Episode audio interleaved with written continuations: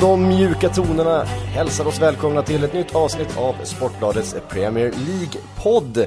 Med eh, för dagen mig, Patrik Syk, Patrik Sjögren och ny i podden, Johan Linderstam. Välkommen hit! Tack så jättemycket. Eh, Dig läser man ju oftast i eh, Ligabibeln.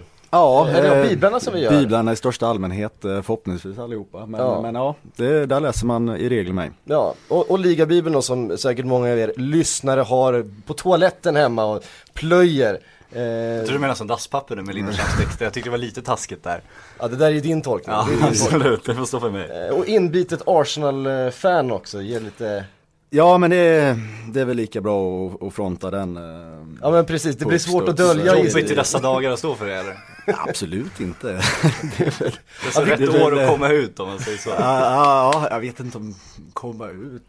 Ja, det, det, är, det är ingen hemlighet här på det är redaktionen. Nej, inte på så redaktionen. mörkat att man har varit det liksom de senaste ja, Vi har sett tecknen, det har vi gjort Eh, De finns nog där. Men det Ja, behövs så- ju lite spridning som sagt på sympatierna. För, för det är ju visst, som alla vet, vikt på, på, på, Ett par andra lag. på ett par andra lag. Ja men, Media Tottenham mediaspurs, ja, vad Det är något grejen, mediaspurs, alltså? det Det är är- otroligt märkligt i vad är Sverige grejen med? Nu sitter vi faktiskt tre journalister här och ingen av oss håller på Spurs. Ja, Undrar när det lov, hände alltså. senast.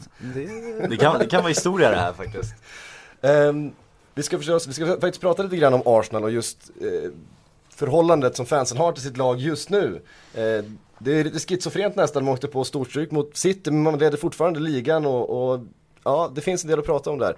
Eh, vi ska säga också att eh, vi hade ju julfest på Sportbladet igår.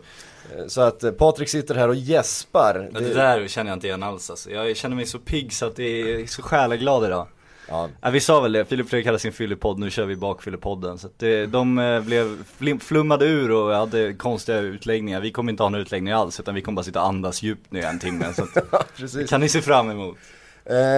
Och det får bli vår segway in till dagens första ämne för att bakfylla kan man ju kalla det Tottenham hade efter helgen när man fick dunderstryk mot Liverpool hemma på White Hart Lane och dagen efter sparkade André Vias Boas. Eh, Tim Sherwood, den gamla legendaren, klev in, tog över eh, och kastades rakt in i ett ligacupmöte med West Ham, alltså bottenlaget West Ham och fick stryk direkt med 2-1. En match där Emanuel Adebayor startade väl sin första match för säsongen. Måste det ha varit. Jag har inte, jag har inte Det- hundra koll på det men det måste ha varit hans första, möjligtvis har han startat någon, någon ligacupmatch eh, tidigare i höst här. Låter det vara osagt. Men hur som helst, det är lite intressant hur han tog sig in i den här matchen för att i söndags kändes det inte som att han var eh, helt spelklar. Men apropå bakfylla kan man väl säga, han var ju på, satt och kollade på matchen med Asso Ekoto. Fan, jag satte den bättre förra gången när vi misslyckades lite med. Men, eh, men han satt ju på läktaren där i någon VIP-box eh, tillsammans med honom och sen när de hade hade förlorat där, Andreas Boas sista match kom det att bli, då la jag han ut en bild på Instagram där, Asso Ekotå, när han sitter med Adebayor och de liksom, what a game, sitter de och ler efteråt.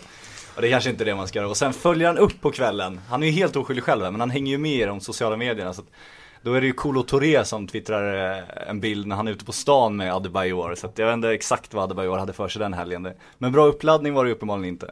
Nej. Men vad säger vi om det här då? Vad, vad säger, alltså som supporter blir man ju ganska trött på en sån här kille. Du som är Arsenal-supporter, hur är ditt förhållande till Adebayor? Och du vet ju liksom, klubbkänsla det är inte riktigt hans grej. Nej, det men Ade- Adebayor är så otroligt enkel någonstans och känslomässigt avfärda eftersom Alltså man vet, alltså han har ju han, han har många brott, det är väldigt enkelt i sig också att avfärda honom som liksom den här pengakåta spelaren som, som rör sig liksom överallt, den som betalar bäst hela tiden. Ehm, men det var, man var förbannad eh, efter hans var det 70-80 meters löpning ut Arsenal-fansen där liksom. Hans på- starkaste och längsta löpning någonsin skulle jag Antagligen eh, klart den överlägset snabbaste löpningen han någonsin har gjort alltså, och, och, och längsta också. Ja, alltså, det är hela, eh, och, och ja, då, då var man väl inte helt nöjd liksom. Men så här några år senare så liksom få en bit över 200 miljoner för en sån spelare i det läget, alltså herregud vilken vinst alltså. Ja. Som Arsenal då fick eh, när, när, när vi sålde honom. ehm, så, så, Men känns, man, kan ju, man kan ju inte kräva Adebayor att han ska ha klubbkänsla, tycker inte jag. Det är ju en legosoldat, han är ju inte uppfostrad, han är köpt. Men det man kan kräva är ju att han inte hånar sina egna fans. Någonstans där tycker jag att man kan dra en gräns. Det, det kan man verkligen. Det, alltså det, det är ju, han fick ju mycket skit åt sitt håll men liksom det, det, det finns, och man kan väl håna dem men man kanske inte just på det sättet. Det fanns ju alla aspekter av liksom oskönt agerande. I, Ja, vad får han ut av det också? Det känns men- inte som han har något att vinna på det. Nej, känslomänniska också. Då, Ja, ja, liksom, och sådana, Ja, vill vi, ju- sådana vill vi ju se. Så Ja, att, eh, rubrikmässigt är han ju kanon, han är ju Ja, det- journalist våta dröm, det är han ju. Men, men som supporter skulle jag nog, ja, svårt. Men det blir ju så när man värvar spelare bara. Det, är ju så Premier League nu, det finns ju liksom inga de här born and raised engelsmännen kvar. Utan du värvar ju liksom legosoldater. Du, du, du kan ju inte kräva att Mesut Özil ska tatuera in Arsenals klubbemblem på armen liksom. Du, du kan ju inte kräva det av någon spelare egentligen, du Nej. vet ju vad du köper. Så. nej, så är det verkligen. Så så är det och eh, som sagt Tottenham i en ganska djup kris nu. Alltså de ligger ändå inte speciellt många poäng bakom, eh, bakom toppen men, men det är ändå en, en djup kris de upplever. Tim Sherwood har kommit in, han är väl kanske inte en långsiktig lösning. Vad, vad finns det för alternativ för Tottenham? Jag vet att det har skrivits idag om att man har kontaktat Frank de Boer eh, som är tränare i Ajax nu men eh, han vill inte lämna Ajax mitt under säsongen. Det har ju pratats om Laudrup Pochettino, alltså de tränarna som ändå är up and coming i det engelska ligasystemet. Men det känns ju inte troligt att de, någon av dem lämnar mitt under säsongen heller för att gå till, ta över ett krislag i norra London. Eh, så vad ska de göra? Blir det Tim Sherwood för resten av säsongen? Spanish waiter, in med honom igen bara. Nej. Som. Krislösningen. Bara Benitez, in överallt, Tottenham. Ja. Nej, nej, han sitter väl klar. Nej men kan man inte såga dem för att de kickar Vias först och främst? Eller att Jo, de jag, tycker anställer vi ska, Vias jag, jag tycker vi ska börja där. eh, För att Ja, han, de, de har gjort mycket fel. De har, alltså, mycket har gått snett och spelar framförallt alldeles för dålig fotboll just nu på alla sätt. Och, och hans värvningar, menar han fick vilka möjligheter han fick när de sålde. Alltså, han kom in i det läget han gjorde liksom, i Tottenham. Han började med liksom, nästan få en miljard liksom, som man vet ska komma in och köpa spelare för. Och han kan verkligen liksom, sätta sin prägel på truppen. Det är inte många tränare som har möjligheten att komma in i ett lag och liksom, verkligen kunna få bygga om så mycket så direkt. Liksom. Och på det sättet har han verkligen misslyckats egentligen på alla fronter för att han har inte fått in han har inte satt någonting egentligen. De har ju sett så otroligt tafatta ut. Eh, och impotenta framåt liksom. De, fan, de, skjuter, de skjuter liksom. Det är, Townsend kliver in liksom och skjuter från 25-30 meter liksom. Det är liksom typ det farligaste hotet de har haft. Och, och, och För han, för han har ju verkligen kallats den, den eh, en av de främsta tränarna i världen. Han har verkligen hyllats, inte minst före han kom till Chelsea så hyllades han ju som den nästa Mourinho. Men om man tittar, han köper in en Soldado, vi har varit inne på det många gånger. Han köper in en Soldado, Soldado felanvänder honom. Eh, helt och hållet. Han ställer upp eh, jättehög backlinje mot en Luis Suarez i, i högform. Det går ju verkligen att ifrågasätta hans, hans taktiska beslut, hans, alltså hans coachval helt enkelt. ja, det, Eh, men jag tycker inte bara man ska såga honom, jag tycker man ska, Tottenhams ledning, alltså vi såg ju, det, var- det är ju samma sak nu som hände i Chelsea. Jag tycker han visar exakt samma, att, att de inte har bättre koll på honom. De går ju efter ett namn, ett poppis-namn bara känns det som. Ja men han, han har hög status nu, han är lite coolt att ha liksom. Det här kommer fansen vara nöjda över. Det känns inte som de liksom har, har gått i botten med liksom, vad, vad står han för för fotboll, vad passar han in här, vad, hur ska vi bygga laget tillsammans. Utan, och det visar också att de sparkar han så fort. Hade de verkligen gjort det, gjort det grundarbetet, haft liksom och tänkt, verkligen trott att han är rätt man för oss, då hade han inte fått sparken nu, det kan jag inte tänka mig. Utan det här är bara slarvigt gjort alltihop tycker jag. Vad säger det här om eh, Baldini till exempel? Han har ju, han har ju mycket makt. Eh, Ja det, det har han absolut. Men framförallt vad säger du om Daniel Levy som liksom sitter och, och när tar han sitt ansvar och vilket ansvar tar han? För att jag skulle snarare se honom som kanske den länken däremellan och framförallt För det har ju kommit fram att, att eh, ett par av de här värvningarna, till exempel Erik Lamela var ju inte Andreas Boas val. Eh, han vill ju inte ha honom i sitt lagbygge egentligen från början. I alla fall har det ryktats om det. Utan det här var Baldini, det här var Daniel Levy som såg en chans och, och gillade den spelaren. Vias Boas sa, nej, inte det laget jag bygger, det är inte spelartypen vi behöver. Och det är klart, man säger, vi, vi pratade precis om här, han hade så bra förutsättningar att bygga det här laget. Men han kanske inte riktigt hade det egentligen. Det, lite för många kockar. Eh, Det är ju så otroligt svårt att ha någon form av insikt men, men, Ja. vi vet, det är mycket möjligt att liksom han har varit ganska bakbunden också för att klubbarnas öppenhet som vi alla vet är ju, är ju den är ju väldigt, väldigt liten. Det, det är Ja. väldigt svårt att få någon, någon riktigt genuin insikt i vad som, vad som händer bakom kulisserna. Ehm, hur, hur det interna snacket går liksom eh, hos klubbledningen men alltså jag, jag förstår inte liksom hur, hur, hur man kan sparka honom och plocka in Sherwood. Ja, ja, jag, jag, jag, jag förstår inte. Jag, Ja, för, vissa fall, vi har ju sett ganska många tränarbyten den senaste tiden eh, i botten utav tabellen där det har fått ganska omedelbar effekt. Men det ser man också att man, man, man byter ut, man plockar in ett etablerat namn med en tydlig idé. Här plockar man in en Tim Sherwood som man egentligen inte har någon aning om vad man får. Och man får egentligen inte speciellt mycket mer än någon som tar ut en startelva eh, till helgens match. Alltså, vad, vad, säger spelarna? Alltså vad ja. tycker spelarna om liksom plötsligt står Tim Sherwood där och tar ut liksom Jag misstänker att Boas liksom hade Alltså att, att han hade liksom rätt tajt med spelarna, att han, att han uppskattas av spelarna, att han håller sig Utom Adebayor. Utom, ja, men där har vi som sagt det, det är en unik situation, en unik person. Um, nej men det är Ja, det är lite märkligt. Ja, men vad tänkte de i, i, i, liksom, i, i måndags förmiddags när beskedet kom? Vad tänkte de liksom? Och när de skulle, typ Sherwood kommer in där och, och allting går liksom rätt keft just nu för Tottenham och så kommer han in och det Men det var väl någon som twittrade, nu minns jag inte vem det var, men som skrev Oh shit eller någonting liksom. Bara så här chockat liksom och ville uttrycka det. Skrev liksom ingen kritik för, för smarta, de är ju, de flesta är ju smartare än så, utom Adebayor såklart. Men, men liksom ändå visade att de, var, att de inte var beredda på det. Och jag tycker det är också så när du sparkar någon i botten, det är ju såhär quick fix liksom. Och man vet ju det, det finns ju forskning på det och så vidare här. Att det, det håller i, i 3, 4, 5, 6 omgångar. Men sen när man ser ett längre perspektiv så, så är det alltid negativt. Men det är ju inte quick fix på Tottenham. Alltså det är ju inte så att det är ju väldigt illa om de hamnar i en situation där de måste nå Champions League för att få upp det ekonomiskt. Är det så så är det, då är det kaos. För de, det går ju inte att jobba så i Premier League om du inte är topp, topp, topp, topp. Och det är de ju inte. Och då kan ju inte, för det är inget långsiktigt beslut, det är ju någonting de försöker lappa ihop här. Ja, vad är det de försöker rädda så illa ut, ut är de inte heller liksom. Absolut inte. Nej, alltså som sagt det är inte speciellt många poäng upp till, till toppen. En, en liten förändring, lit, lit, några bollar som studsar in, eh, så ser situationen helt annorlunda. Eh, vi ska lämna Tottenham där, men i, i eh, ja du ville säga något Nej men jag tänkte på, på som Vias Boas där, att han, han får, han är ju hyllad. Han är liksom framtidsmannen, liksom fram, upplyft liksom. Samtidigt så, vad har han egentligen gjort? Alltså han var ett år i Porto, där gick det jäkligt bra. Han var ett år akademiker, ett år, ett år före, där gick det bra.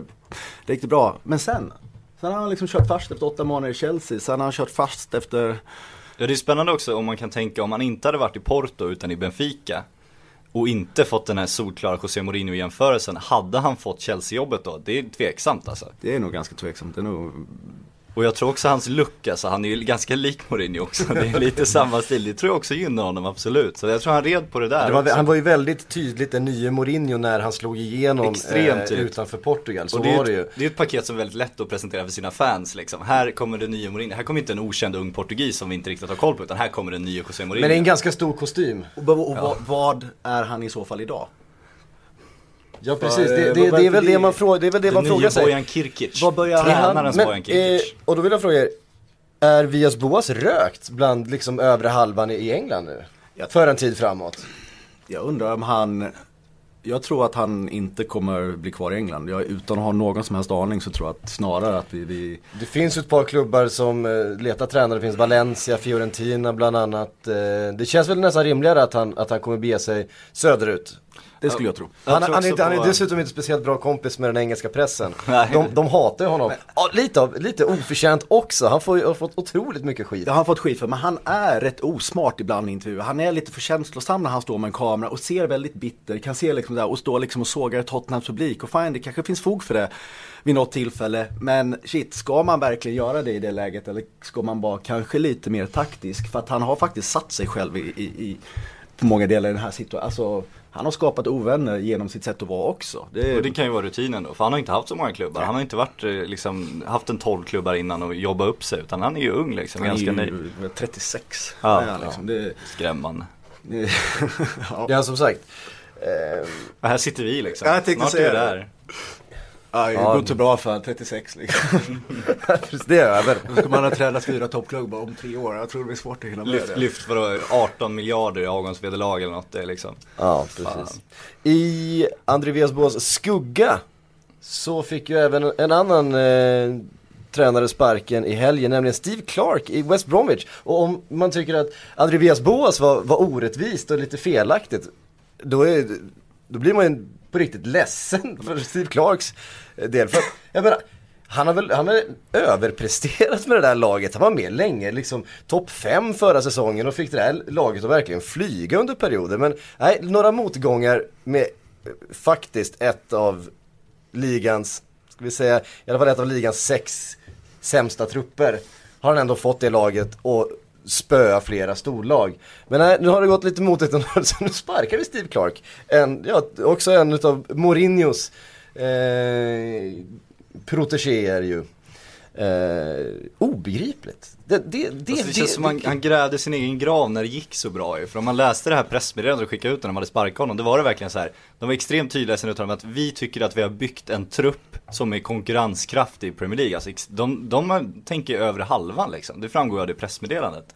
Och det är ju hans fel förmodligen för att han lyfte den där truppen till övre halvan. Men de ska inte vara på övre halvan. Nej. Jag var nog lite hård när, när jag kallade dem en av de sex sämsta trupperna. Riktigt så, de har en helt okej okay trupp. Eh, Jonas Olsson i backlinjen har ju, sina, har ju sina dagar då han är nästan helt omöjlig. Eh, och så vidare. Men ändå. Men vart är Peter Odinvinge? Det är ju det. man, sak, man saknar ju Peter. Ja, när bilen gick, då gick det åt helvete för West.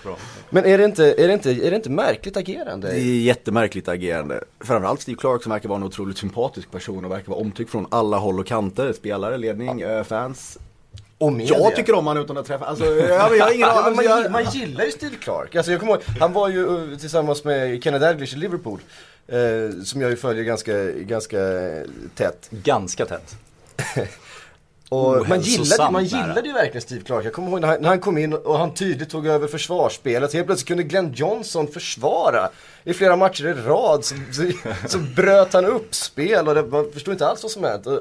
Man såg en tydlig Steve Clark-effekt, någon som faktiskt förstod fotboll. Eh, och verkar ju vara en, en helgjuten manager och perfekt för, för ett West Bromwich. Ja. Men det ska man ju säga att West Bromwich verkar ha haft en plan. För det pratas väldigt mycket om att Sola ska kliva in. Och kanske kan man då få den här lilla effekten. Det kommer in en person med väldigt mycket respekt eh, i England som Sola ju faktiskt har. Eh, så att där verkar man ju ha haft en plan i alla fall för hur man skulle gå vidare. Men hur, hur nära är Sola? Hur... Det är ju, det är ju rykten, men det har skrivits i några dagar här nu. Han har ju lämnat sitt jobb i eh, Wigan var det va? Eh, nästan samtidigt. Så att det, det, är, det är mycket som pekar på att eh, Gianfranco Sola kommer kliva in. Men borde inte Gianfranco Sola ha kommit längre i sin tränarkarriär om han nu är en så bra manager alltså? Jo, det kan man faktiskt det. Det kan man faktiskt. Han har haft ganska bra förutsättningar. Men den här, det är den här, den här kortsiktiga mm, effekten som, mm, jag, absolut, som jag tror man är ute efter här. Man får in ett, stort namn, någon som faktiskt har res, för respekt med sig in i, i omklädningsrummet och som kommer komma med en, spel, en tydlig spelidé tror jag. Sen får vi se eh, hur det funkar, för jag undrar hur, hur Solas spelidé funkar med det, med det laget som Steve Clark då bland annat har byggt upp med ganska fysiska, storvuxna eh, typer. Ja, det ska bli intressant att... Jonas Olsson-typer kanske man kan sammanfatta det med. Ja, men det är ju även på, på andra positioner i, i, det där laget. Um, vi lämnar West Bromwich för den här veckan, vi kanske kommer in på dem lite senare, och går vidare till serieledarna Johan. Ditt Arsenal, det gick trögt i helgen. Det gjorde det. Men trots det så har ni två poängs marginal ner och ligger i serieledning. Och det man börjar, man läser, man försöker följa på Twitter vad, vad fans skriver och så här. Och helt plötsligt så börjar det komma lite så negativa så här, åh nej, nu går det dåligt. Så här. Men ni leder ligan, vem hade trott det för ett halvår sedan? Att, ja men med två men gånger kvar till... Tycker väl om att tycka synd om sig själv, är det inte så? Det går lite för bra nu, det är, det är lite obekvämt. Ja, men det är väl också ganska många andra som skapar den utsidan. Eh, som typ sådär, åh, klarar verkligen av det här? Alla andra liksom, det här kommer ju inte att hålla liksom, det här håller ju inte. Och det kanske det inte gör, men man kan väl få, åtminstone få njuta av det. Så jag, jag förstår inte, jag tycker det är hål i huvudet ibland när, när, man liksom inte, shit, fem poäng eller två poäng, man måste ju få njuta. Om det sen är tio poäng bak, liksom, alltså vi är tio poäng bakom liksom vinnaren i, i, i, maj, ja då kanske man skulle njuta av när man ledde just nu. Liksom. Så fan det är liksom, verkligen gilla läget och, och fan, top of the League liksom. Det är, ju där man ska vara. Och, Ja, jag kommer ihåg eh, häromdagen så pratade vi på redaktionen och jag anklagade Arsenal för att vara lite snälla pojkar. Du minns säkert det här Johan. Jag tror inte att det var dig jag pratade med. Jag tror bara du satt bakom och lyssnade och, och blev arg. Ehm, och där fick jag ju svar på talet av Jack Wilshere. eh, i veckan som inte alls var på bra humör utan gav publiken ett, eh, ett finger. Det jag blev besviken på där var att han gjorde den interna internationella långfingret och inte den brittiska, de två fingrarna. Det är den man vill se när en, när en engelsman ska liksom... Det är den största skandalen. Det är den Fan, största korrekt, skandalen alltså. att han inte, att han inte ger the two finger salute utan någon, du vet, den amerikanska the bird. Så Liksom. du vill alltså, du, du sågar Wilshire? Jag, så, jag sågar Wilshire rakt av. Hade han, hade han gjort en klassisk two finger salute, då hade jag hyllat honom. Nu tycker jag bara att det blir lite plumpt. Du menar att han, han, han går liksom halva vägen som han aldrig gör? Han ska alltid... Jag tycker det är osmakligt. Jag tycker det är osmakligt. Han, han, han kissar på sitt arv som brittisk fotbollsspelare. Han tänker på sitt varumärke, den här bilden ska ju flyga över världen. Det gäller att alla förstår det. Man kan inte köra tvåfinger, då gäller det att vara internationell alltså. Ja det måste ju David gå i, han måste ju tänka, det ska ju exakt, det ska är ju- stort i Asien också, hur kommer de, kommer, kommer inte fatta det här två? Nej, upp med en bara. Sätt den. Mot den moderna fotbollen säger jag. eh, men det är ju spännande det där, Men. Jack Wilshere, nu väntas, väntar han ju avstängning. Ja. För det här. Ehm, För det blev väl inte överklagat, eller hur var det? det tror jag inte, det blir en match. Det blir en match och det den blir. Chelsea, dag, Ja. dagen innan julafton. Vilken fantastisk uppesittarkväll i år förresten. 23 december, Arsenal-Chelsea 21.00.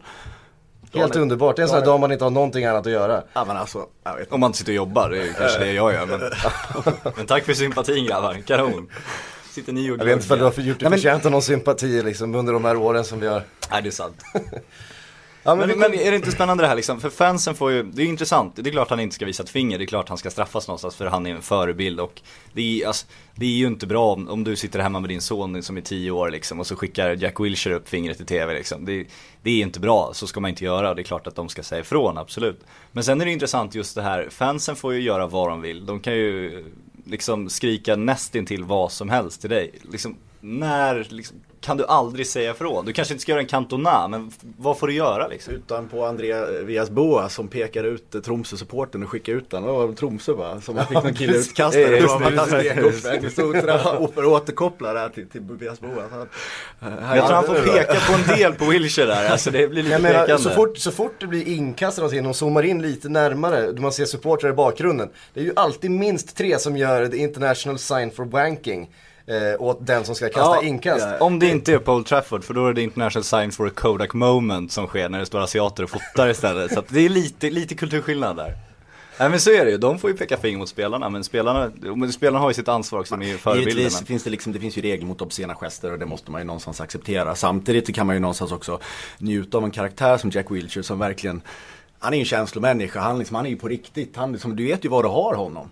Alltså väl, det är 101 gånger över 100 så hellre någon som man, man vet för att han han vet vad du har, han, är liksom, han säger ju vad han tycker och tänker. Man kanske inte alltid håller med men, men det är ju ingen bullshit i alla fall. Liksom. Det gör det värre med folk som liksom hycklar och snackar skit. Han, eh, Sen kan jag tycka att kanske om man gör eh, en ful grej som inte har någon sportslig påverkan, då kanske straffet inte heller ska ha sportslig påverkan. Det kan ju vara ett bötesbelopp som går till välgörenhet istället och då menar jag inte att han ska få 10 000 i böter för det, det är liksom, Nej. det kissar ju han bort på en eftermiddag liksom. Han använder ju det som toapapper istället för våra ligabiblar. Men, även, eh, så liksom en ta i lite där och ge en, en saftig böter istället. Det tror jag, för du- jag tycker inte att Arsenal ska straffas som klubb. Nej, men det ligger väl också att i han- alltså, tidigare bestraffningar, de måste hålla en linje och då Jo, skulle det bli ramaskri om de plötsligt nu och då skulle Arsenal som är ligaledare och då pratas det om att de skulle få fördelar, att de dömer liksom på olika grunder. Men om man gjort fel precis. måste man ju ändra sig Ja. någonstans. Man kan inte bara köra på liksom. Ja. Suarez stängdes väl av för exakt samma sak Ja precis, för, det för är, ett par ju, säsonger sedan. det är ju exemplet liksom. Och, och, och då skulle du verkligen med tanke på Suarez så har han liksom fått den här stämpeln och liksom Mm. någonstans för att han dömt hårdare för att han är just Suarez liksom. Och skulle då Wilshire liksom det här liksom homegrown, du vet, British boy som Skulle han då komma undan, då, då skulle det kanske skicka fel signaler någonstans också. Det, Men gå ut efteråt nu då, när ni straffar Wilshire och så säger ni i fortsättningen kommer vi liksom inte döma ut sportsliga straff utan vi kommer liksom ge er böter. Då, då kan ju ingen diskutera för då har Nej. du sagt efteråt. Då spelar det ingen roll vem som blir nästa fall. kommer liksom. ut med liksom öppna riktlinjer och sånt där. Ja. Liksom. Det, då är det, det är det de måste liksom i så fall också Ja. eh, kommunicera ut. Eh, men, men jag, är, jag håller med dig, alltså det är Alltså den här be- bestraffningsgrunden, vilka, liksom, vilka straff som ger vad, det, det vet vi alla att den är ju liksom väldigt eh, flytande upp och ner. Liksom. Det kan tolkas väldigt Ja, godtyckligt. konsekvens, det är inte FAs starkaste. det är inte det. Men de är snabba, det är de fan med. är de. Snabba är de. Ja. på tal om det så fick vi också se ett avgörande med eh, mållinjeteknologi för första gången nu i veckan i ligacupen. När Chelsea vann över Stoke. Var det va? Nej, nu blandade jag ihop eh, ligacupmatcher här. Hur som helst fick vi i alla fall se det för första Vi är gången. bakfulla, vi har ingen aning. Det. Eh, användas. Det var Chelsea i alla fall, nu har jag glömt bort vilka det var de, de vann över. Eh, men äntligen, det tog ett halvår. Jag tror att det är första gången som vi har fått, faktiskt en match har avgjorts efter eh, ett mål där man har använt den här eh, Hawkeye-tekniken för att avgöra om bollen var inne eller inte. Så Usch. Väl investerade Ja det är ju positivt. 100 miljoner. Alltså jag gillar inte det här. Jag är konservativ. Jag tycker det ska bli fel ibland. Det, det är det som är charmen. Allt ska inte vara millimeterrättvist. Det ska, det, det ska vara mänskliga fel liksom. Ja det ska det vara, men just det är så jävla svårt att göra mål i dagens fotboll. Så att inte få ett korrekt mål till, och inte få tillgodoräkna sig det målet när det är så satans, det kan stå så mycket. Just det, just där eh, vill jag nog tycka att, att eh, där, där får det gärna finnas alltså övervakning. Där får de gärna kliva in. alltså. eh. För om, men om du tänjer på den gränsen lite, då, då närmar sig ju nästa sak den gränsen också. Så då är nästa grej, ja men det är ju, det är ju ungefär samma, vi tar det också, och sen vi tar det också. Ja, det, tycker, För det man blir sugen på är ju offsiden. För hur många gånger har man inte sett en spelare springa helt perfekt in i ett friläge, vinkas av felaktigt. Och så blir man vansinnig och så är alla vansinniga och så förlorar man den matchen fast man, ja. Men det är det Eh, som är charmen med fotboll, att alla blir vansinniga. Fotboll handlar ju om känslor. Det ska inte vara, det ska vara ett domarmisstag ska kunna avgöra en match. Det ska vara så svårt att vinna ett fotbolls-VM att du måste inte bara vara bäst, du måste liksom ha marginalerna med dig. Det är det som är hela charmen, det är det som liksom bygger känslor. Om allt är liksom millimeterrättvist, då slutar det med att så här, då kan vi lika gärna ställa upp lagen och så bara, ja, så kör vi lite teknikövningar och så kollar vi vilka spelare som är bäst. Så ni vinner för ni har bäst lag liksom, varsågod, och hem med bucklan. Fan, det ska kunna bli fel alltså. Det tycker jag också, men inte på mål. Det, det, just det, alltså. Det, det är tycker bra. Ja, det är bra. Ehm, bara för att avsluta, vi, det blev ett litet stickspår från, från Arsenal. Men bara för att avsluta om Arsenal så har det ju också pratats en del om Mesut Özil eh, och hans lite sviktande humör. Han vill inte applådera fansen, han fick en utskällning utav Per Mertesacker och, och har sett lite gamnack ut på slutet. Vad, vad, vad beror det här på? Är det liksom eh, bristen på solljus? Har han D-vitaminbrist? Ah, som tysk är det nog ingen fara tror jag. Han har inte sett solen. Nej, Lite i Spanien. Det är den faran. Nej men han, han är ju, alltså han är lite urslag. eh, Mesut Özil liksom. Han, är, han har ju inte riktigt på sistone presterat som han vill eller som, som kanske omgivningen heller eh, vill att han ska göra. Och jag tror för att framförallt det ligger på han själv, att han lägger det på sig själv. Han, han, han, är, han är frustrerad över sitt spel och, och att han just nu inte riktigt, riktigt, han är ju liksom en jävligt bra spelare varje match men han är ju bättre än så. Han är ju jag håller ju honom som en av absolut världens absolut bästa spelare. Det är där uppe liksom. Och, nej, jag tror han känner frustration av att han liksom inte får ut vad är det som har gjort det? För att jag, om man säger så här, Arsenal som lag har ju konsekvent spelat väldigt likt egentligen match efter match efter match efter match. Och har ju varit det stora framgångsreceptet i år. Att det, man har egentligen alltid vetat vad man har fått ut av det laget varje gång det har ställt sig på planen.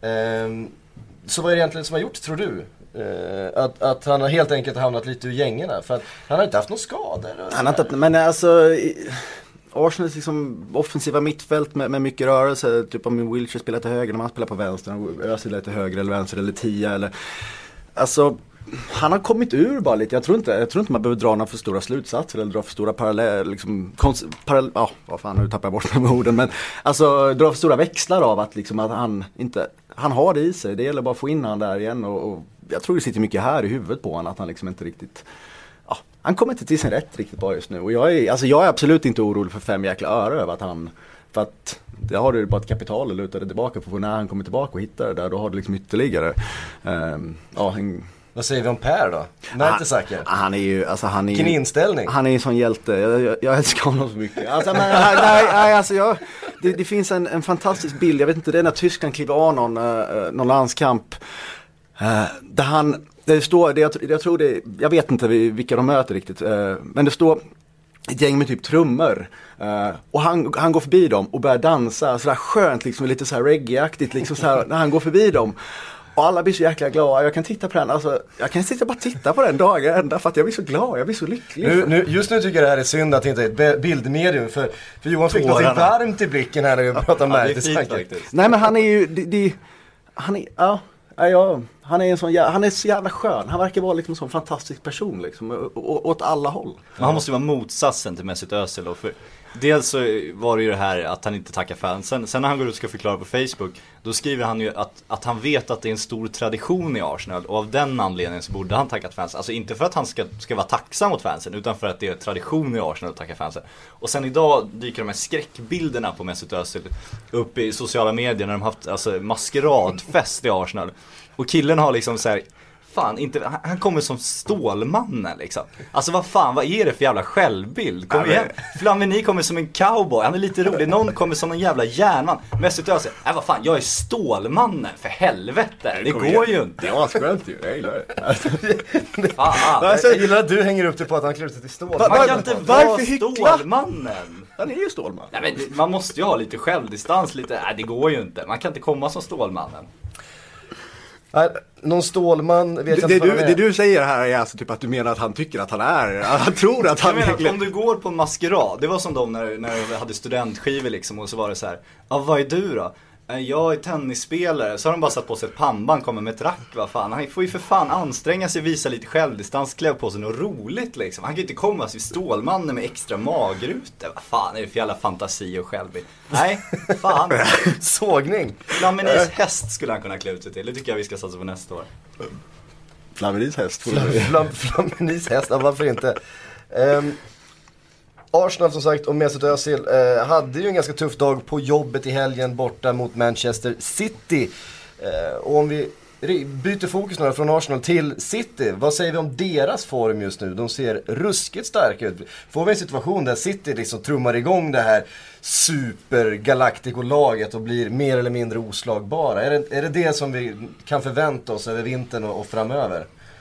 Uh, City har ju visat en högsta nivå som ingen annan egentligen har varit i närheten av. Alltså det är ju, den är ju enorm. Eh, och om det här nu ska ha varit liksom inkörsperioden för, för Pellegrini liksom och så komma nu och börja hitta rätt och vi har liksom ett halvår kvar spel att göra liksom där allting kommer att avgöras. Då, då, ja, de ser nog ut som en rätt vass häst eh, på det upploppet. Alltså det, jag ser inte riktigt jag ser, jag ser till exempel inte riktigt hur Arsenal ska hota dem liksom över de har, alltså den halva, nästan dryga halva säsong som återstår liksom. Det, det, Men vid så högsta nivå håller jag med, då är City bäst i Premier League, spelare för spelare, tycker jag också. Sen tycker jag man kan resa vissa frågor, de känns lite som ett så här eh, medgångslag liksom. Att när det går bra, då går det riktigt jävla bra, då är alla igång, då har Nasri kul liksom.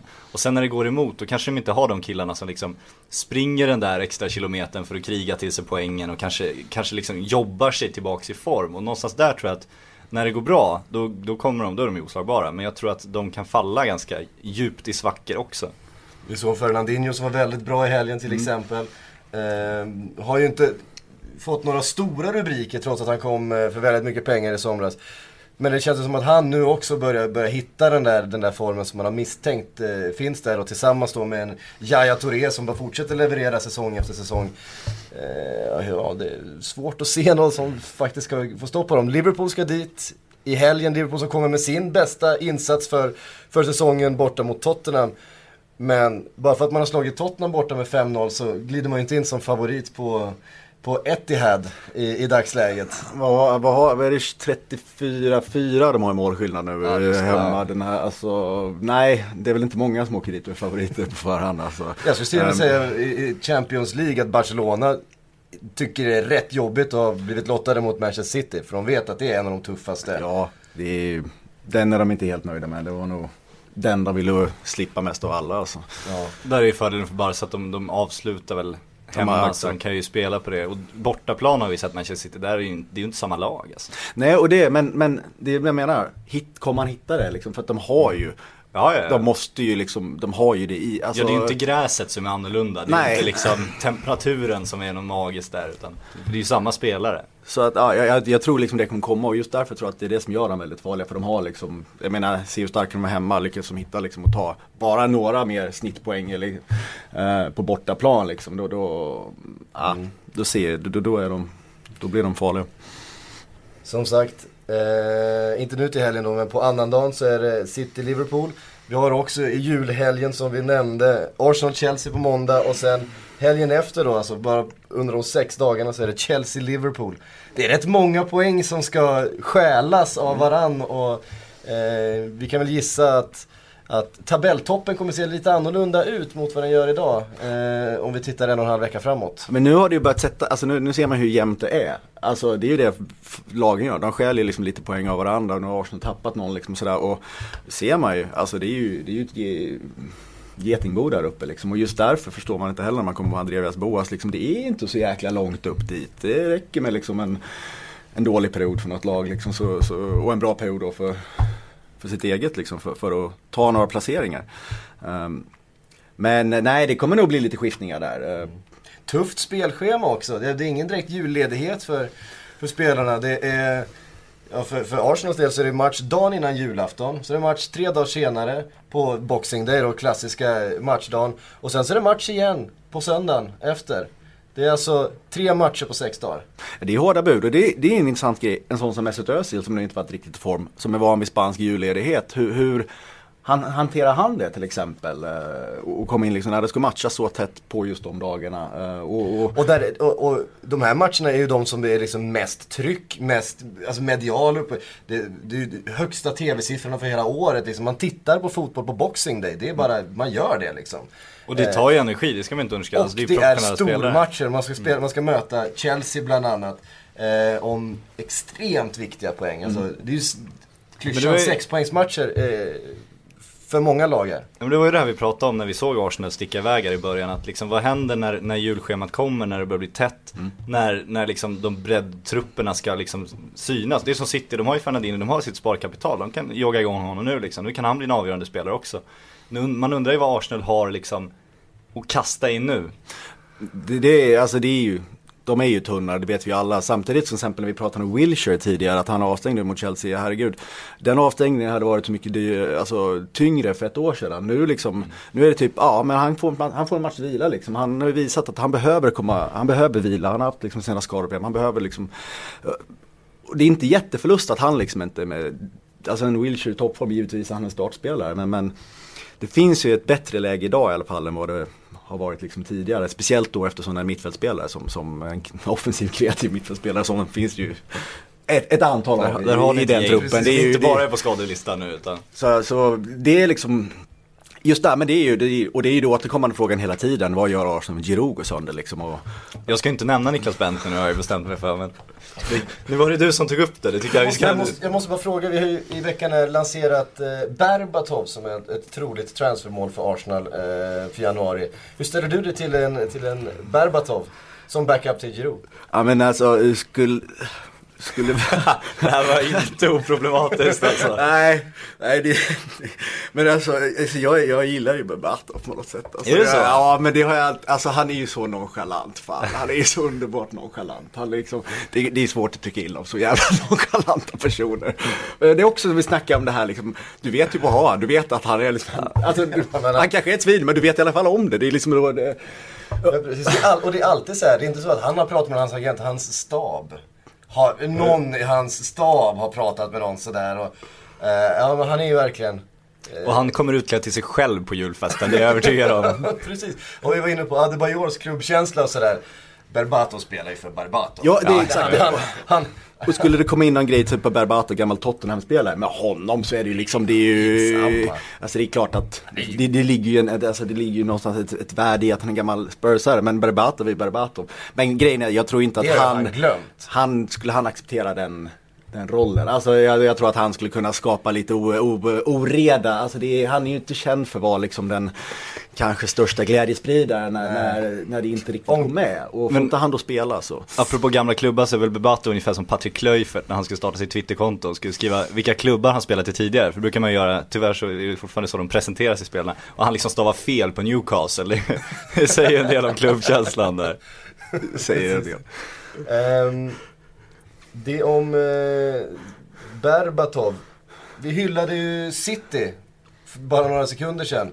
Men ett lag som eh, många har pratat om ska vara det andra laget som med potential att verkligen springa ifrån, att, att lägga in växel som de andra saknar, det är ju Chelsea. Men det har vi ju inte fått se. Eh, och det börjar ju bli, de tar sina poäng, men det är inga överkörningar direkt. Och, och det, de spelar oroväckande ur Chelsea-synpunkt jämt med, eh, med bottenlagen faktiskt. Lag, alltså matcher som de verkligen ska vinna stort, vinna övertygande. Vad, vad beror det här på? För vi har pratat offensiva mittfältare. Men... Finns väl, de har ju lika mycket offensiva mittfältare som ja, hela holländska ligan. Men det har ju kommit någon slags myt att Chelsea ska spela någon glad fotboll nu och det väl, Mourinho, han fick ju med sig den myten till Real också. Mourinho är ingen glad fotbollstränare. Han är ju en cyniker, han är ju en, en 1-0 seger, han är en 2-1 seger. Han, han är ju inte Manchester City 5-0 liksom. Nej, men vad var alltså hans första säsongen i Chelsea, vad hade de för målskillnad då? De släppte in 17 mål eller något sånt där liksom. Det, mm. Uh, och gjorde liksom inte några hundra liksom. Utan, men vann ju, alltså man, man, man var inne i ligan och ja. man släpper in 17 mål på en säsong, så enkelt är det ju. Uh, nej, han är ingen, han, är ingen, han står inte för någon glad fotboll. Och, och, och be honom komma in och, och leverera glad fotboll, det är ju Ja. Det var ju Reals misstag. Ja. Men det han kan göra som han är så otroligt bra på, det han kan ju kräma ur precis allt ur varje spelare. Han kan verkligen lyfta rätt mediokra spelare till att bli fantastiska spelare. Och när det då kommer in i ett, i ett avgörande, om Chelsea fortfarande är med då, även fast de inte spelar någon glad fotboll, även fast de har problem med bottenlagen. Är de kvar där är ju han en sån manager som liksom vet exakt vad han ska göra i den situationen. Jag tror att Chelsea, alltså, jag, Chelsea och City håller jag ju som, som, som många gör som favoriter här liksom, det här upploppet. Med, med Arsenal kanske som en outsider om de liksom får till det. Och, det kommer ju lite, eventuellt någon värvning här i januari-fönstret. Men, men... Berbato rullar in i sin BMW där. Dimitar är här. det är inte han som rullar in, det är hans chaufför som rullar in. Förlåt, självklart. Uh, precis. vi tittar lite på, på Chelsea, de senaste tre matcherna. Uddamålsseger eh, mot Sunderland, 4-3. Eh, uddamålsförlust mot Stoke, 3-2. Uddamålsseger mot Crystal Palace. En, en match de ska vara glada att de fick med sig tre poäng. Och nu väntar, i de senaste sex närmsta sex matcherna så ska de möta både Arsenal, Liverpool och Manchester United. Dessutom ett Southampton eh, som de visserligen eh, spelade fint mot och, och faktiskt tog en av sina mer övertygande segrar mot. Eh, men väldigt tufft spelschema framöver och ingen bländande form direkt i det här faktiskt väldigt avgörande läget av ligan. Hur löser Chelsea det här? Jag tror att de kommer lösa det ganska bra. Eh, till exempel tätt matchande, det kanske bara är en fördel för att liksom, eh, Mourinho ska tvingas slänga in Mata som, som, som jag fortfarande inte fattar vad han gör på liksom, bänk och läktare relativt ofta. Liksom. Um, för att, ja, den frågan har hela fotbollsvärlden ställt ja, sig det, jag, jag antar att det kanske inte behöver gå in där, ni har säkert pratat om det i antal poddar liksom, här under, under hösten. Men om du inte har svaret, då får du jättegärna gå in. Det är ja, vi kommer säkert komma in på det. Vi ska prata lite silly season snart här. Och, um, där är väl Mata högintressant kan jag tänka mig. Ska vi gå på det direkt?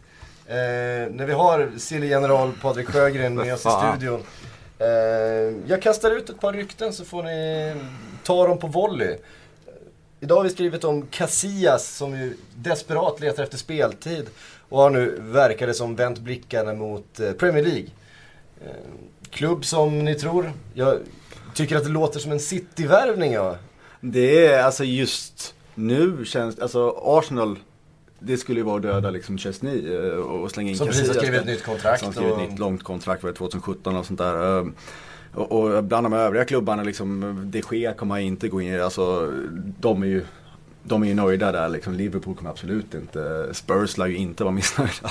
Uh, så det är ju bara typ City som uppenbarligen har vissa problem på, på målvaktssidan, det har vi ju sett. Och det är ju, jag, jag förstår inte hur en spelare som Joe Hart kan hur, hur kan man gå från att vara så jävla bra till och inte vara så, ja, och vara så jävla obra på, på, på, hur kan man göra så mycket misstag? Alltså, det, jag, jag fattar inte det, för de har, han är ju en Alltså två, två säsonger sedan så var han ju en av världens tre bästa målvakter. Ja absolut, det var ju typ han, Manolo och Casilla. Alltså det är väl de någonstans. Han har ju varit given där uppe varenda gång. Man, man, man funderar på vem är världens bästa målvakt. Det var ju liksom, han var ju given med i diskussionen där uppe liksom. Typ. Han är ju inte petad för att reserven är bättre heller, det är han ju absolut inte. Nej det är väldigt, men äh, City känns ju som den hetaste kandidaten där och Casillas går ju inte till vilket lag som helst heller. Det, det lär vi kunna räkna med. Jag menar hyfsad världsmålvakt som har gjort hur många säsonger i Real då. Men cup tide fortfarande? Ja, frågan är ju om han ska, alltså han kommer ju byta klubb, om han byter klubb så är det ju för att han ska spela VM ju. Det var vi mm. inne på i det här Silly-programmet också. Jag tror nästan, det, det, det finns ju en risk då att gå till City, för kommer Joe Hart igång igen och man har ett lån på Casillas, då är ju, det är ju inte så att de liksom visar någon sympati till Iker och liksom låter honom spela, utan då är han ju bort. Mm. Så att Erik lanserar ju vår lilla sillsändning förut att han kanske en Serie A-klubb skulle vara mer troligt kanske, ett Fiorentina. Och jag tror också att kanske en sån liga är lite, det är lite då vet han att han kommer spela hela halvåret mm. liksom. Och det här Cup Tide spelar ingen roll där för, för så många klubbar om man ska vara ärlig. Så jag tror nog mer att han kanske lutar dit. Det är lite mindre bevakning, lite mindre press också. Kanske en, lite, en, en bekväm vår och komma igång till VM liksom. Och sen försöka komma igång i Real igen. Mm. Mm. Nästa rykte. Gudetti till Aston Villa på lån. Alltså jag ser ju, jag vill se det, det, jag vill se Guidetti spela fotboll. Alltså jag, eh, jag vill se honom spela fotboll. Jag vill veta var vi har honom någonstans. Lite liksom. som att sjunga längre. Nu fan fan Ja men alltså nu är det liksom, eh, ja han har spelat lite reserv. Han har suttit liksom på någon bänk och han har varit med på lite liksom läktare och bänkar i, i city här nu. Men jag vill se vad han går för. För att vi har fan inte sett det på liksom två års tid. Mm. Uh, och ett lag som Aston Villa, fine, jag kan se honom i en Championship-klubb också. Liksom ett, Eftersom man får låna liksom fritt med neråt i divisionen i England liksom. Eh, och speltid, se vad han kan göra liksom. En, en typ en bra Champions League eller Aston Villa. Det, det är en, man får, han behöver speltid men det, det, är viktigt för honom liksom att han någonstans han har en tränare som ger han speltid. Om det är sen i Aston Villa eller om det är Lazio eller vad det nu skulle kunna vara liksom. Eh, det tycker jag är ganska skitsamma, men jag vill se han spela. Ett Aston Villa som ju har en Benteke som började säsongen fantastiskt bra men har kommit av sig helt och hållet och fått se sig själv sitta på bänken eh, en hel del på senaste tid. Det kanske finns en öppning där för en, för en John Guidetti att springa rakt in i en eh, startelva. Han är ju inte riktigt samma spelare som Benteke heller liksom. Det, det, det finns ju liksom något han erbjuder ju någonting annorlunda så att han skulle absolut kunna gå in och, och, och få speltid där. Sen Benteke, det är ju svårt att konkurrera ut honom för att han har ju väldigt mycket fotboll i sig. Det har vi ju sett liksom. Han har väl varit lite skadeproblem också sånt där liksom lite ur form. Men, men när jag hittar han den så, så är, tror jag han är svår att, att peta på den positionen. Men det är som sagt jag menar, hur många mål blev vi Feyenoord där nu? Det blev väl en 23, en 23 kanske liksom. Alltså, allt handlar om att göra mål. Det, det är det enda det handlar om. Så liksom börja spela, alltså gör han målen så spelar han. Det är ju så enkelt liksom. Och... Nej men nästan vill jag undrar, alltså det känns som om, om en klubb ska få ett lyft och få in en anfallare som ger dem mål, jag vet inte vilka som egentligen i, i praktiken på allvar sneglar på John Guidetti som en bra kortsiktig Nej. lösning. Han har ju liksom inte spelat A-lagsfotboll på två år, ingen vet ju hur bra han är. Det känns som, om någon klubb vill värva honom så antingen är det en Champions League-klubb som liksom chansar lite och tänker att de kan få kvalitet de annars inte får. Eller så tror jag att det är en klubb som i så fall vill förhandla in en, en framtida utköpsklausul för att kunna ge honom ett halvår och se hur bra han är och sen mm. kanske köpa honom och satsa lite mer långsiktigt på honom. Så jag tror det är svårt för John att få en, en kortsiktig utlåning till ett, till ett okej okay Premier League-lag utan några strings attached liksom. Mm. Samtidigt så är han ju väldigt välkänd bland alla de, de, engelska lagen. De har ju väldigt bra koll på honom. Kontaktnätet från Citys organisation ut till de andra klubbarna är ju, är ju hundraprocentig förstås. Jag menar, där, där finns ju tränare som pratar med varandra hela tiden och vet exakt vad de får. Och vi har ju sett att Guidetti varje gång han fått chansen i ett, i ett reservlag, eller han gör ju alltid mm. mål. Alltså, han har ju en målgaranti pojken. Eh, och det, det, är ju klart, det är ju, måste vara intressant för vilken klubb som helst. Sen om det är så här att om City tänker att ja, vi måste få iväg honom och spela 15, 16, 17 matcher den här, eh, den här våren. Ja, då kanske Aston Villa är fel klubb. För där kommer han få räkna med att sitta en del på bänken, framförallt om Benteke kommer tillbaka och man måste anpassa spelet efter motståndaren. I, i en Championship-klubb, där skulle han ju kunna gå direkt rakt in och, och bli garanterad de här. Så det är lite beroende på vad, vad Chelsea, om de hellre ser att han får eh, åtta starter i ett bra lag mot bra motstånd, han verkligen får bevisa sig. Eller om man ska ha 15 starter med lite sämre lag. Vad, vad bygger honom bäst? Det, det, är frågan. Jag vill se han göra 15 matcher mot, alltså jag vill se han garanterat få 15 matcher. Få, han har ju inte, han har knappt spelat fotboll på två år liksom. Det, det, han behöver, oavsett vad, han behöver komma in, han behöver in på planen. Han behöver, sen är det ju alltså, få lite Gör han mer mål mot sämre motstånd, liksom, få lite självförtroende. Han måste in där, han måste tillbaka. Det, det tycker jag är det viktiga. Att, att, ja, att han får spela. Så hellre i så fall att han får liksom garanterad speltid i en, ett bra Championship-lag än att han får nöta bänk eh, hos en Premier League-konkurrent i City. Mm. Ja jag håller med, jag ser gärna att han stannar i England också för jag tror Holland är för bra för jag tycker inte han ska åka till Italien, byta kultur och sådär. Nej. Stanna så nära hemma som möjligt och spela fotboll ett halvår och sen nästa säsong ska vara John Guidettis säsong. Mm. Precis. Det är taget. Tack, du är överens. Nästa rykte då. Ehm, och det här ryktet kommer ifrån den fantastiska nyhetsförmedlaren Sports Direct News. Oj, oj, oj, oj, oj. Ner i saltgruvan. Nere i Fram saltgruvan. med spadarna. Niklas Bentner till Stoke. Fantastiskt. Ja, det är inte så att han bryter mot några, alltså, mot några linjer i det, i det laget. Alltså. Eller det är väl kanske det han gör i sig lite, för de har ju faktiskt eh, kört Eh, vad heter han österrikaren? Arnautovic liksom. Och, och, lite sådana där nu. Just har ju faktiskt gjort det lite intressant i Stoke faktiskt. Vilket kanske, men det, han är ju det klassiska Stoke. Där känns han ju liksom. eh, Ja men eh, Stoke för två säsonger sedan, Ja, där, där var det ju ingen snack. Där kunde man ju kasta in en Bentner med, eh, med gott samvete. Men, men det här är ju nya, nya Stoke Alona ju. Men jag tror man också måste analysera Bentners självbild också. Liksom. Niklas Bentner förra gången han skulle på en utlåning och få lite speltid, då är det så här, Juventus, där platsar jag, det är bra klubb för mig. Direkt dit och så läktaren ett halvår. Stoke, Niklas Bentner, du ska till Stoke. Eh, nej, nej det ska jag inte, nej, nej. Det händer inte. Så jag är lite svårt att se att han skulle liksom Alltså att Stoke skulle vara intresserad av att värva världens bästa anfallare, det, det ser jag ju inte alls som otroligt. Nej, det är klart. Alla vill ha Bentner. Alltså han är ju inte så usel. Jag Nej, älskar han att driva med Han honom. skulle, han, skulle, han, duglig skulle haft, forward. han skulle haft ett mål nu senast också ska man eh, komma ihåg faktiskt. Det blev ju faktiskt fel, felaktigt eh, bortdömt.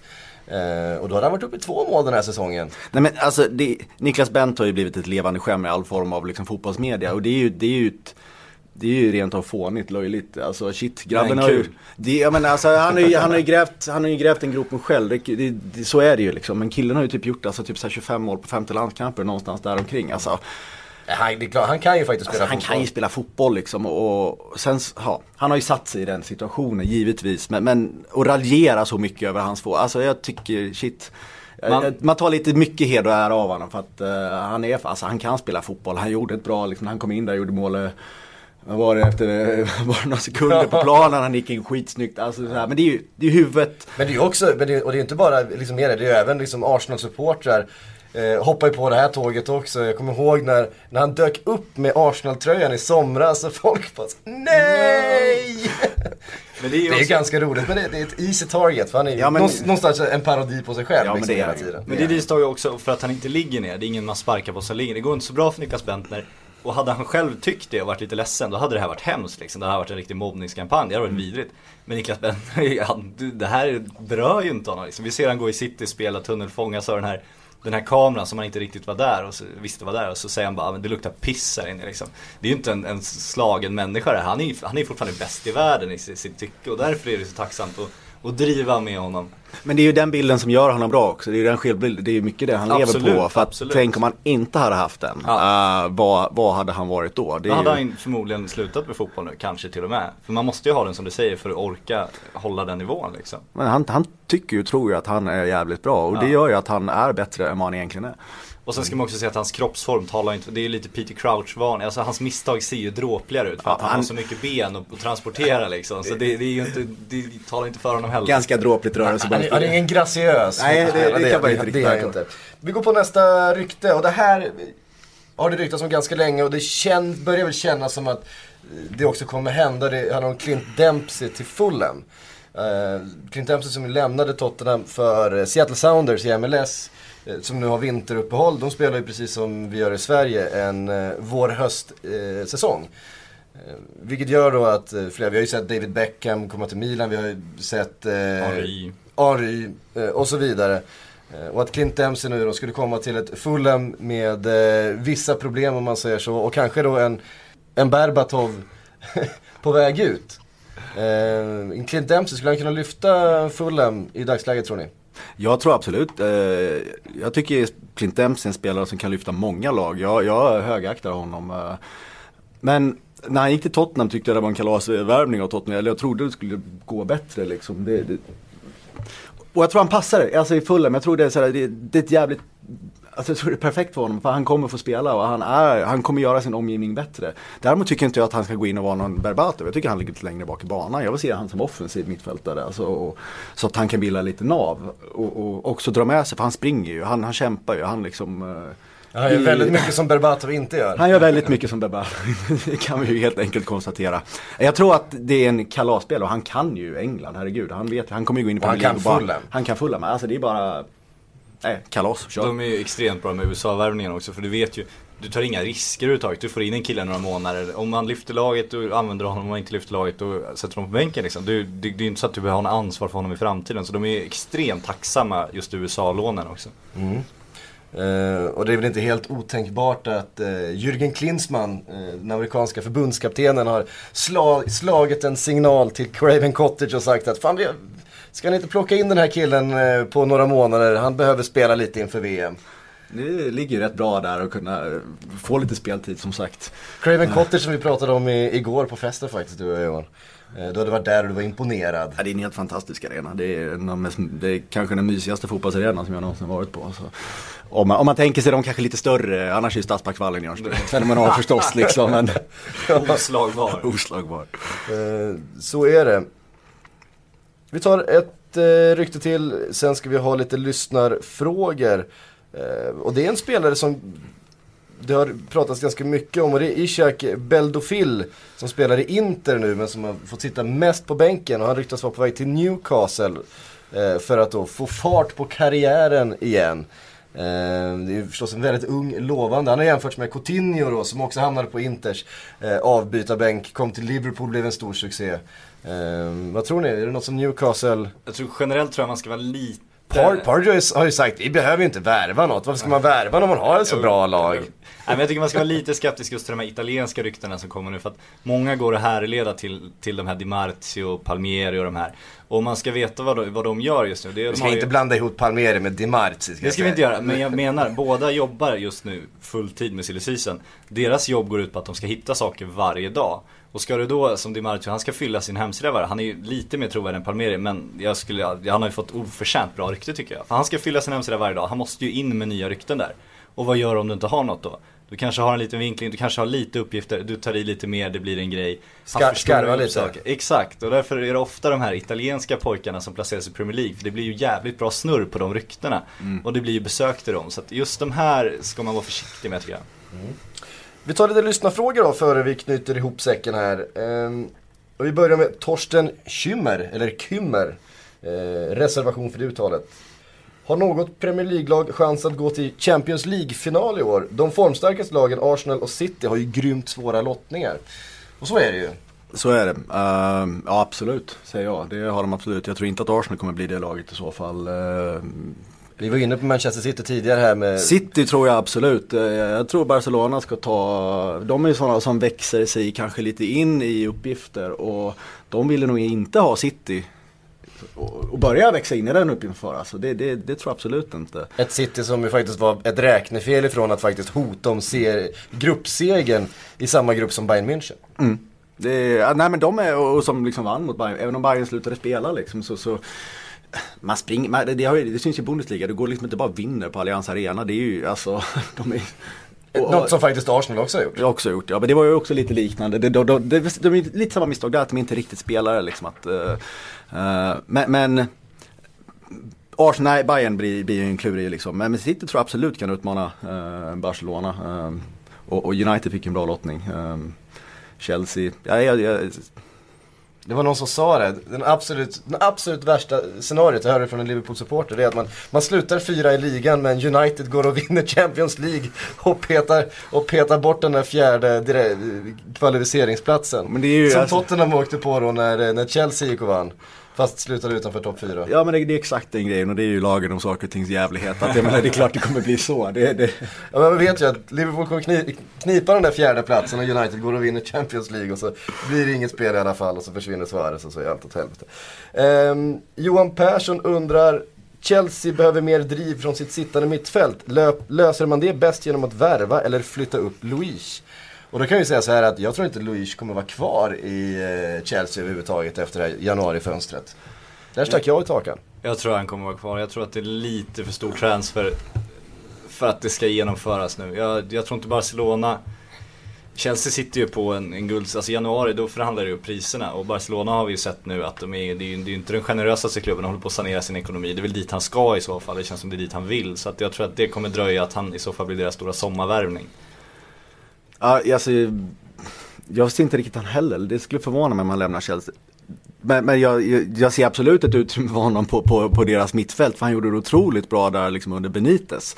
Uh, han, han var ju fullkomligt strålande i, i många matcher liksom i just den sittande mittfältsrollen och, och där tror jag absolut han kan bidra och han är ju, han är ju är också är en skön spelare. Det är ju, alltså det, läste en helt fenomenal intervju med, med honom och, och uh, hans landsman Julio Cesar, de var hemma i hans liksom, uh, penthouse i, i, i Louise Penthouse liksom ut med Themsen någonstans och de var så jäkla sköna, de var så jäkla brassiga och så jäkla sköna och det är jag hoppas han blir kvar för att det är en karaktär som, som Premier League mår, mår bra av. Mm. Ja, när brassarna var i Stockholm kan man säga också med landslaget. Då var det ju efter matchen så kom ju alla spelare ut, ska göra den här mixade zonen och prata med journalisterna. Då var det ju tvärnej på internationella medier liksom, från alla brassar utom Louise liksom. Körde de här körde intervjuerna. Kanske för att han tycker att han behärskar engelska bättre än de andra. Men han bjöd verkligen på det också. Ställde upp och tog tid och liksom, det var, han var kanon. Det var en sån grej. Han kunde ju inte ett ord engelska när han kom till, till Chelsea. Och de gjorde den här intervjun ett halvår efter att han uh, hade kommit dit. Och han gjorde hela intervjun på engelska. Uh, och det liksom gjorde reportern en stor grej av hur, hur otroligt snabbt han liksom kom in i engelskan. Och, och det säger också någonting med person liksom. Verkligen vilja komma in i saker och ting. Det finns ju exempel på spelare som har bott typ tre år i ett land och inte lärt sig typ ett ord av språket. Uh, Pep Guardiola höll ju en imponerande presskonferens på tyskan också. Det, det tycker jag är jäkligt. Ja, Han hade samma tryck också. Det skickar signaler och det skickar jäkligt skickliga signaler. Alltså jag är inte det... här för att få semester för att tjäna pengar och dra hem utan jag är här på allvar ju. Han har ju spenderat liksom ett, hela, inte förra året, han, direkt när det blev klart liksom, han pluggat, kanske tidigare till och med för han kanske visste att det var på gång liksom. Men han började ju plugga tyska tidigt liksom och satt ju till en varenda flygresa, hans fru satt förhörde honom och sånt där liksom och överallt. Det, Ja. Vi vet ju också Ilhan Hamad som byter allsvenska mot, mot Hoffenheim i, i tyska Bundesliga nu. Han har ju också sagt det att det, det, viktigaste rådet han fått är att lära dig språket så fort mm. som möjligt. Så han hårdpluggar nu. För att det är, liksom, det är sjukt viktigt för anpassningen. Ja, och det skickar professionella signaler att man liksom vill lära sig språket och göra det. För det är inte så jävla svårt att lära sig språk om man verkligen kommer in i det. Framförallt inte när man bor i det landet som, vars språk man ska lära sig. Um, men så... Hoppas inte min tyska lärare har vi sett på, på, på många eh, av den här nya generationens tränare. Vi, kan ju ta Brennan Rodgers som exempel där som pratar både italienska och spanska. Som han har lärt sig då när han varit ute och helt enkelt studerat fotbollen i de länderna. Eh, och så pratar med, med sina span, spanska spelare på spanska. Är noggrann med att in, in, instruktionerna verkligen går fram. Att det är ingenting som eh, blir lost in translation.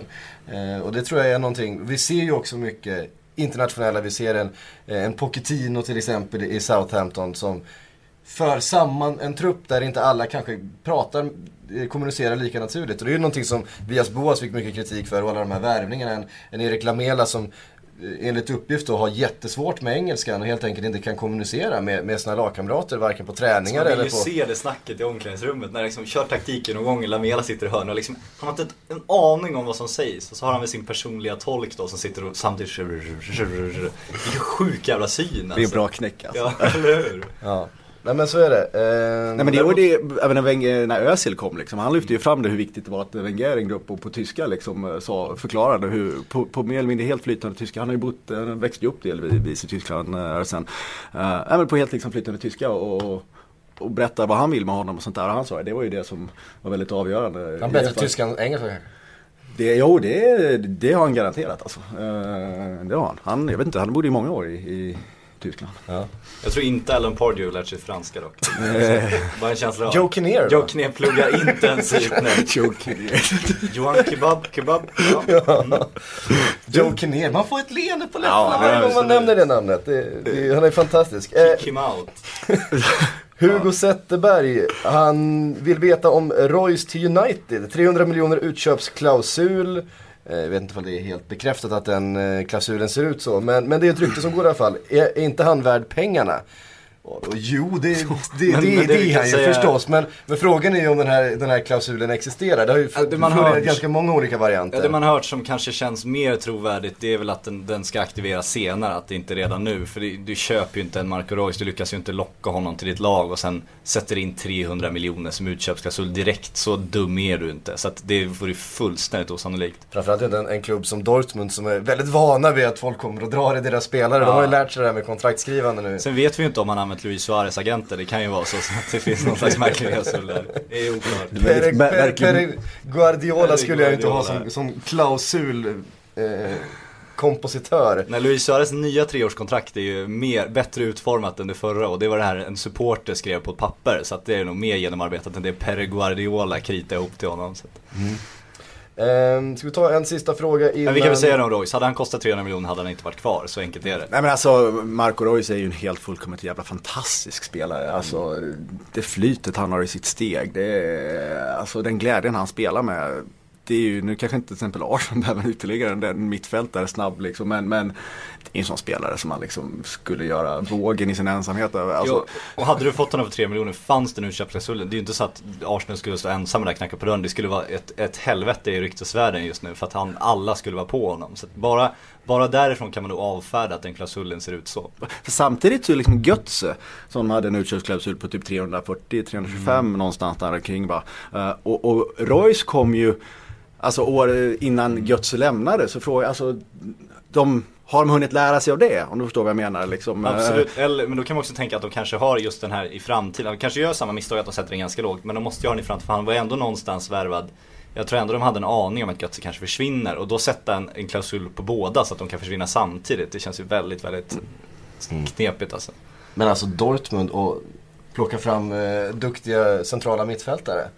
Ja, de, och han är ju verkligen Sahin, Kagawa, Götz, Royce, Gündogan även om han inte är så central men och där tycker jag man ska hylla dem för att de säljer. Många är ju så här, men de säljer sina bästa liksom, absolut. Men du får ju inte en stor talang som Marco Reus om, inte han, om han ser liksom att spelare fastnar i den klubben. Han vill ju förmodligen också till Real Madrid en dag.